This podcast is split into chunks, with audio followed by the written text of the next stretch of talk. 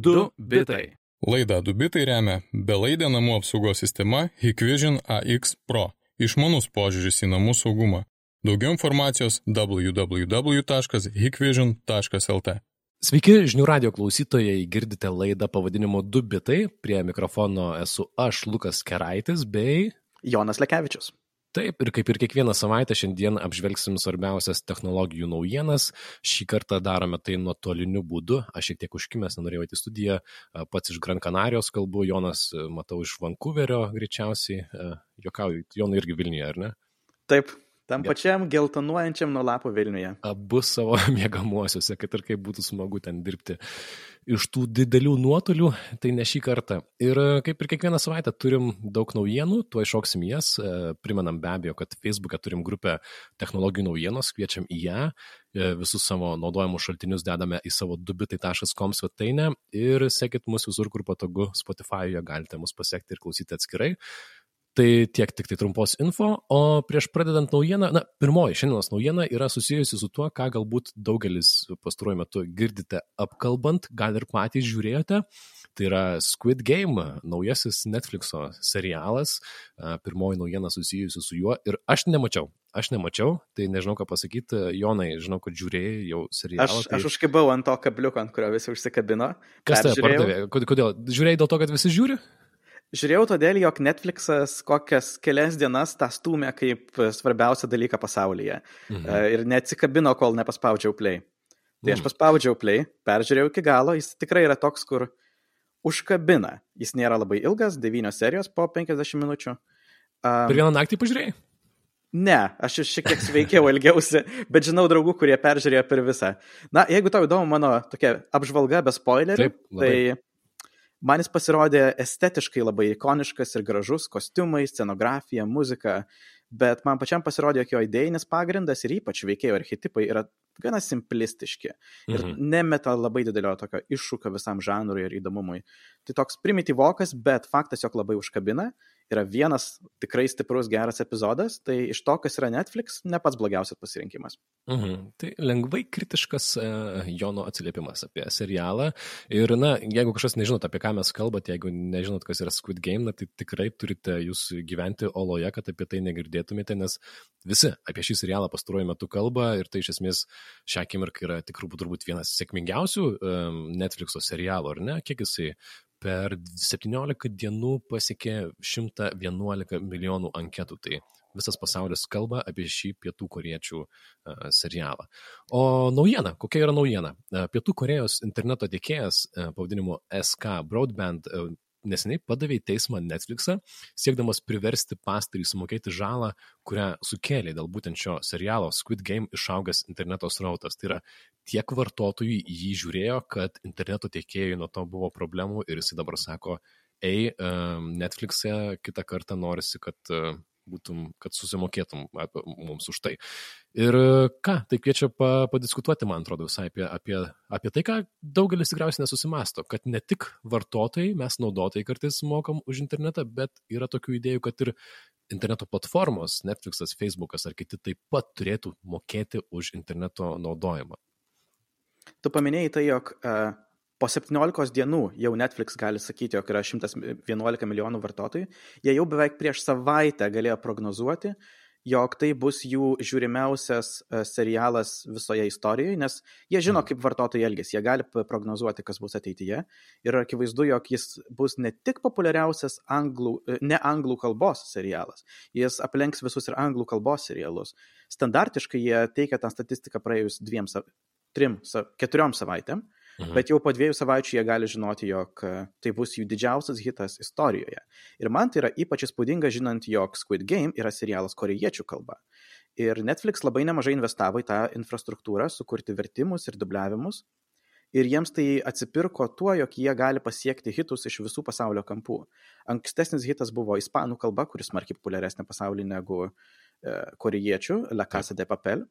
Bet man tai rodo tokią viltį, jog Netflix stato ant viso pasaulio. Ir tai suteikia viltis ir mums. Kas gali žinot, galbūt kitas Netflix hitas pasiekęs šimtus milijonų žmonių ateis iš Lietuvos. kas būtų beprotiškai smagu. Ir, ir, na, ir Netflixui puikiai sekasi pasiekti, siekti ir pasiekti. Ir man atrodo, kad irgi galbūt ne visai daugeliu žinomas faktas, kad iš esmės didelis interneto srauto dalis, didelė interneto srauto dalis, apie 80 procentų, pavyzdžiui, Junktinėje karalystėje, ateina vos iš 4-5 technologijų gigantų, tai yra YouTube, Netflixo, Facebooko ir dar Junktinės karalystės atveju Activision Blizzard, tai yra žaidimų kuriejai. Uh, tai iš esmės video turinys, kurio pastaruoju metu, pastaraisiais metais, beprotiškai daugėja, um, per 10 metų gali skaičiuoti, na, įvairiai, taip pat, pavyzdžiui, Junktinės karalystės atvejais 2011 metais 17 GB vienas namų ūkis išnaudodavo interneto, o praeitais metais 430 GB. Tai video turinys karaliauja ir tai interneto tiekėjams sukuria, na, iššūkių, ar ne, apie kuriuos mes paprasti žmonės, ne inžinieriai, nesusimastom. Plus prisidėjo visas nuotolinis darbas, kad, žinai, mes ir dabar rašinėjom podcastą, radio laidą nuotoliniu būdu. Ir tai taip pat eina kaip video srautas. Aš, aš matau tave, tu matai mane. Ir tai prideda prie viso to video srauto, kuris iki šiol visą laiką buvo numeris vienas internete. Kad ir kiek žiūrėtum Facebook'o įrašus, jie niekad negalės aplenkti vieno YouTube ar Netflix filmuko pažiūrėjimo. Ir kuo mes žiūrime daugiau video, tuo didesnio pralaidumo internetu mums reikia. Taip, ir interneto tiekėjams tai sukelia tam tikrų problemų. Tiesą pasakius, esu vieną kartą kalbėjęs su vienais lietuviško interneto tiekėjais, apie infrastruktūrą kalbėjome ir panašiai. Man buvo įdomu tuomet sužinoti, kad jie sakė, kad iš esmės stengiasi ruoštis tokiems dalykams, kaip pavyzdžiui naujo GTA žaidimo pasirodymas. Nes jeigu tu tam nesiuoši, tai tu matysi tą dieną kažkokį neįtikėtiną srauto pokytį, e, dešimt kartų gal padidėjo parsiuntimai ir tu nesuprasi, iš kur e, tai vyko, nors tiesiog e, žmonės siunčiasi naują žaidimą. Tai infrastruktūros prasme tie visi video turiniai, turiniai yra problematiškas dalykas. Kita diena, kuri pasižymi tokiu e, masiškų iššovimų kelioms valandoms rautų buvo naujo iOS išleidimo, nes tą pačią dieną visi telefonai ir, ir planšetės ir kompiuteriai atsinaujindavo operacinės. Apple pasimokė, jog jie nenori žudyti interneto tiekėjų ir pradėjo palengva lėtinti reklamavimą, jog išėjo nauja versija, nes kelis metus buvo tiesiog nužudimas viso interneto keliom valandom. Taip. Taip, taip, aš nu tas žaidimas, kur reikia joti arkliu, kaip jis vadinasi, Jonai, pamiršau, kur daug joja arkliu atvirame pasaulyje. Red Dead Redemption? Red Dead Redemption, taip, taip pat sakė, kad jis sukėlė baisulinius strautų šuolius. Tai va, tai jungtin, e, Pietų Korejos interneto teikėjai nori padavė Netflixą į teismą ir tai kelia diskusiją apie net neutrality, tai yra duomenų neutralumo principą, nes iki šiol tokia yra bendras sutarimas, principas, kad duomenų srautas internete, kad, iš kuris, kad ir iš kuris atkeliauja, jis turi būti vertinamas vienodai. Tai yra negalima vienam jam suteikti didesnį pralaidumą ir didesnį greitį, kitam mažesnį, nes tuomet atsiras tai, kad kas daugiau moka, tas greičiau ir keliauja.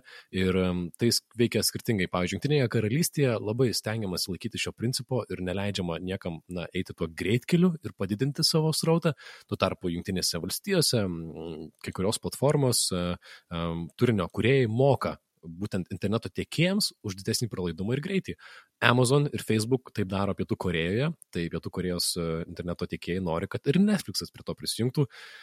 Kas yra visai įdomu, e, nes galima gyventi ir pasaulyje tokiame, kur ne tik e, interneto greitį lemia tai, kokį aš planą nusipirkau ir kokį tiekėją pasirinkau, bet ir tai, kaip tos platformos, kuriamis naudoju, YouTube'as, Netflix'as, susitarė su tais tiekėjais mano šalyje, kas skamba gana, gana komplikuotai, ar ne, Jonai? Čia, čia tie interneto tiekėjai nori e, valgyti iš abiejų galų. Jie nori, jog jiems uh, už kuo greitesnį internetą mokėtų patys vartotojai. Ir nori, jog uh, tiek siuntėjas, tiek gavėjas. Tai šiuo atveju siuntėjas, jog interneto paslaugų tiekėjai, kaip Netflix, dar irgi susimokėtų už tą patį srautą. Tai šitas dvigubas noras iš abiejų pusių valgyti, toksai, hmm, nežinau, man nelabai patinka. Aš, man aš, mėlė, irgi nelabai. Aš, aš žymiai mėliau norėčiau, jog sakytų, okei, okay, jeigu reikia didesnio pralaidumo mūsų srautui, mes turime kelti planus, planų kainas, e, nes žmonės sunaudoja žymiai daugiau srauto, tačiau iškelimas tam tikrų pinigus mokančių e, tiekėjų į viršų e, gali apsunkinti konkurencinės sąlygas, ypač jeigu tai lemia, jog atsiranda kažkokie planų skirtumai tarp vartotojų.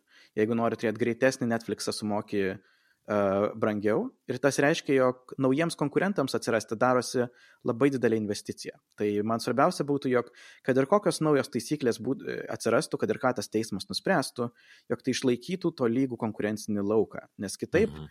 įsigalios esami žaidėjai, kurie jau turi pinigų ir gali už tai susimokėti, o nauji žaidėjai turės, turės mokėti iš abiejų pusių. Taip. Aš iš esmės tau visiškai pritariu, tik pasakysiu, ką pasakytų na, žmogus bandantis kontraargumentuoti. Jis sakytų, kad um, tas net neutrality, tai yra duomenų neutralumo principas yra pasenęs, kad jisai buvo sugalvotas, išfilosofuotas ten 90-ųjų kažkėlintais metais, uh, kai visi rašė blogus vlogus ir panašius dalykus ir kai nebuvo pagalvota, kad iš esmės keturios, penkios įmonės užims 80 procentų interneto srauto. Tai, na, ką su tuo daryti, atsakymo neturiu. tikiuosi, tikiuosi atleisti dėl to. Tai va, tai tokia naujiena pirmoji, greičiausiai judėkime prie antrosios. Kas tik dabar įsijungia žinių radiją, tai priminsiu, kad laidoje du bitai, e, Lukas ir Jonas, mes aptarėme technologijų savaitės naujienas, kad tik pasikalbėjome apie Squid Games, o antroji šios savaitės naujiena, kurią norime paminėti, tai yra Google.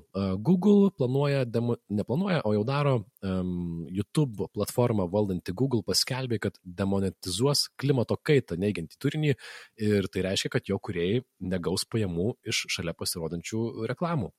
Be to, draus ir klimato kaitą neigiančias reklamas, kas kas nėra galbūt ir netikėta, jeigu esate sąmokslo teorijų kuriejas ir iš to uždirbate, dabar jums tai padaryti bus sunkiau, tuo Tuo labiau, kad YouTube'as prieš mėnesį pranešė, kad blokuos turinį nukreiptą prieš vakcinas nuo koronaviruso e, ir kitas e, patvirtintas e, vakcinas nukreiptą turinį.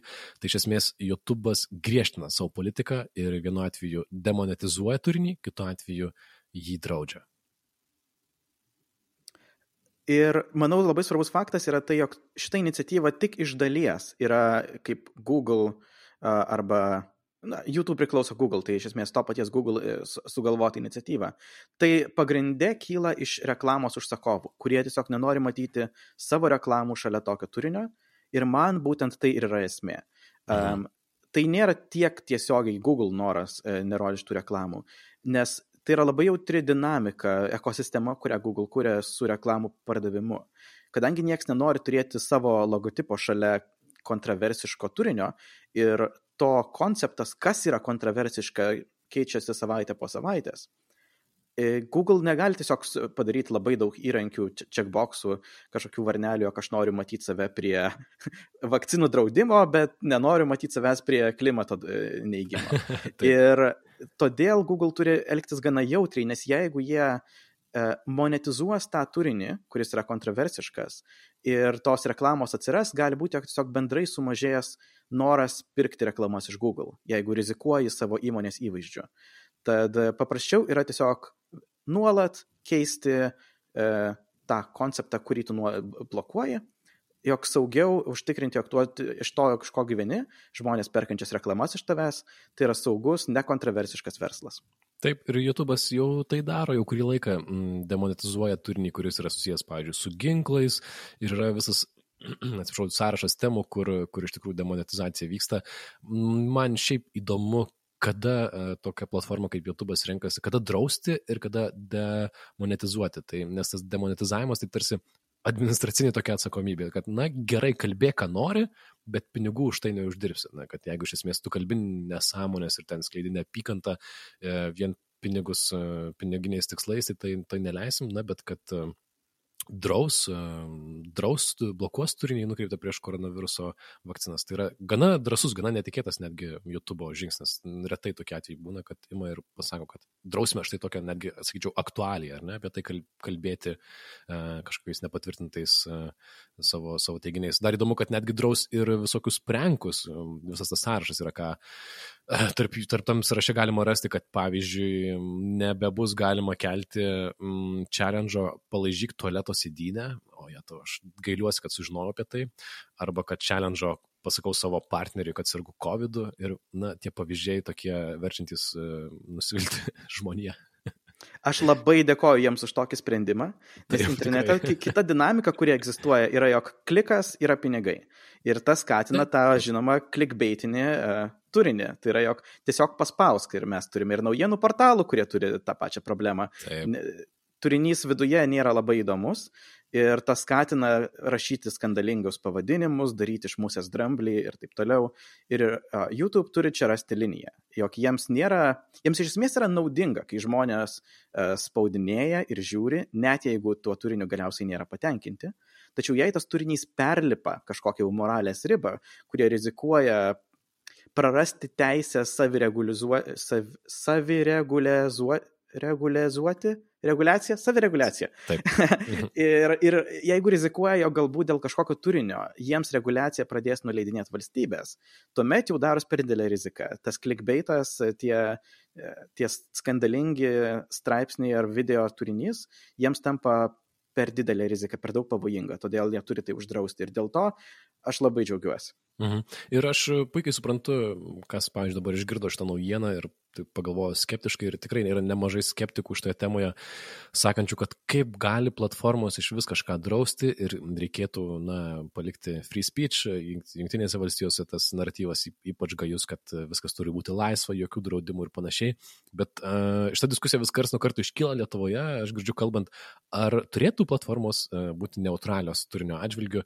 Ir man noris pasakyti, kad, ei, žinot ką, pabuskite iš iliuzijos, jos niekada nebuvo neutralios. Nei viena iš jų, jos labai stipriai um, kontroliuoja savo turinį ir, ir, ir visa, visomis temomis. Ir jeigu tas turinys būtų nekontroliuojamas, pasaulis trojtų ir internetas trojtų gerokai, gerokai kitaip. Tai pirmiausia, tai platformos jos reguliuoja turinį ir labai stipriai tuo paveikia bendrai, aišku, naratyvą, apie ką mes kalbame. Tai tokia iliuzija, kurioje nesinori. Ir iš platformų iš platformų perspektyvos cenzūra niekada nėra juoda balta, visą laiką tai yra tam tikras spektras. Man labai patinka toks e, suvedimas viso ko į vieną paprastą frazę, jog tai nėra freedom of speech, yra, yra, jog yra freedom of speech, bet tai nėra freedom of reach. Tai yra, jog tu gali sakyti, ką nori, bet platformos... Nėra pasiekimo nei... laisvė iš verso, ne? Nėra Būtent, jog tu, tu gali sakyti, ką nori, bet platformos nėra įpareigotos skleisti tai, ką tu -huh. sukuri. Ir tas įgalina platformos turėti tam tikrus laiptelius, kuriais jie palengva didina tam tikrus cenzūros stiprumus. Pavyzdžiui, pirmas laiptelis yra tiesiog per algoritmo rekomendacijas. Tai yra labai dažnas sprendimas, vietoj to jo kažkokį turinį blokuoti ar demonetizuoti, tiesiog jo nereklamuoti, neskleisti plačiau. -huh. Jeigu to neužtenka, galima imti demonetizaciją, tai yra nuimti finansinės motivacijas, kurti tam tikrą nenaudingą turinį, lieka tada tik idėjinė demotivacija ir tas atmeta tokius oportunistus. Esu pats susipažinęs su vienu labai nemaloniu žmogumi, kuris tiesiog užsidirba pinigus iš to, jog kuria melagienas, fake news turinį, radikalizuojantį žmonės ir tokia demonetizacija tokio turinio jiems sugadina jų labai nemalonų verslą Taip. ir jie nustoja tą daryti. Jeigu Taip. to dar neužtenka, tuomet galima įsiterpti turinį. Ir pavyzdžiui, koronaviruso pradžioje YouTube mėgo uždėti tokius banerius ant visų video, kurie pamini koronavirusą su oficialia informacija. Twitteris rinkimų Amerikos metu buvo uždėjęs perspėjimus, kada žmonės potencialiai rašė kažką, kas netitinka tikrovės apie rinkimus. Tačiau yra dar vienas toksai cenzūros laiptelis įsiterpti į patį turinį. Na, o jau galiausiai galima, jeigu nieko neužtenka, tuomet pilnai jį blokuoti. Mhm. Tačiau labai neretai to nebūtina daryti, nes jeigu tu padarai laiptelius iki tol, kurie yra mažesni, tau tiesiog neprireikia pilnos cenzūros. Taip, ir aišku, na, suprantama, kad visuomenė jautriai reaguoja į tai, ką platformos nori leisti kalbėti ar ką nenori leisti kalbėti. Aš ir pats dabar, kurdamas reportažą apie neinvazinę plaučių ventiliaciją, apie tokią technologiją, galvosiu, kad mm, na, tikriausiai yra šansas, kad netyčia algoritmas mane pagaus ir užblokuos ir, ir, ir man reikės na, aiškintis ir panašiai. Ir, ir tam tikrų trukdžių tai sukelia, bet to pačiu man smagu stebėti, kaip tie socialiniai tinklai tarpusai konkuruoja, nes viens kažką uždraudžia ir, na, jeigu, pavyzdžiui, Twitteris, YouTube'as ir Google'as kažką uždraudė, o Facebook'as leidžia, tai iš karto yra toksai, na, pokalbio kampas, kad o kaip jie savo tai, savo tai gali leisti, ar ne. Tai nenustebkite. Ir tas taip pat skatina atsiradimą tokių um, e, platformų, kurios yra pasiskelbę lais, laisvo žodžio platformomis. Turbūt gal ryškiausias pavyzdys buvo po to, kai Twitteris pradėjo labai smarkiai uh, drausti su rinkimais susijusią neteisingą informaciją, iškilo toks socialinis tinklas Parler, mhm. sakydami, jog uh, mes leidžiame sakyti, ką tik nori ir ten visi e, tokios radikalios dešinės politikai perėjo skleisti savo, savo teorijas apie rinkimus tenai. Ir mano nuomonė, tai yra gerai, tai jog internete iš esmės yra laisvė, jog platformos turi teisę e, savo viduje nuspręsti, kokį turinį jos nori leisti ir kaip nori reguliuoti turinio valdymą, bet pats internetas savaime, jis e, yra smarkiai tokiam žemesnėme lygyje, e, kuriame nėra kažkokio vieno interneto caro, kuris gali pasakyti, kas yra gerai, kas nėra gerai. Ir jeigu tau nepatinka cenzūra vienoje platformoje, tu gali sukurti savo platformą su savo taisyklėmis ir uh, ten tikėtina bus kokie 200 vartotojų, kurie tarpusavį galės uh, spjaudytis kokiais tik nori melais uh, ir uh, Puiku. Būtent, aš taip ir norėjau tau pridėti, kad vis atsiranda tų platformų, kurios pasiskelbė nepriklausomos, nemoderuojamos ir visiškai laisvos ir jos, nei jos ilgai išgyvena, nei jos būna įdomios, nei jos sukuria kokią nors bendruomenę, nes ten būna tiesiog daugybė seilių spjaudimos ir, ir, ir išlamšto. E, taip, kad, na, čia tokia praktika, ką, ką aš pastebiu. Tai tikriausiai tiek, ar ne, Jonai, kaip visuomet, milijonas naujienų, kurių nespėjom apkalbėti, bet pasikalbėsim kitą savaitę, bus nutikę jau kažkas naujo, e, kas klausytės, girdėjote laidą Dubitai, e, čia buvome mes, Lukas Keraitis ir Jonas Lekevičius. Ir kaip visuomet, šios ir kitų laidų įrašus rasite žinių radio interneto svetainėje žiniųradijas.lt, sekite mūsų Spotify'e ir visur kitur. Mes atsisveikinam iki kitos savaitės. Iki. Iki. 2 bitai. Laidą 2 bitai remia belaidė namų apsaugos sistema Hikvision AX Pro. Išmanus požiūris į namų saugumą. Daugiau informacijos www.hikvision.lt.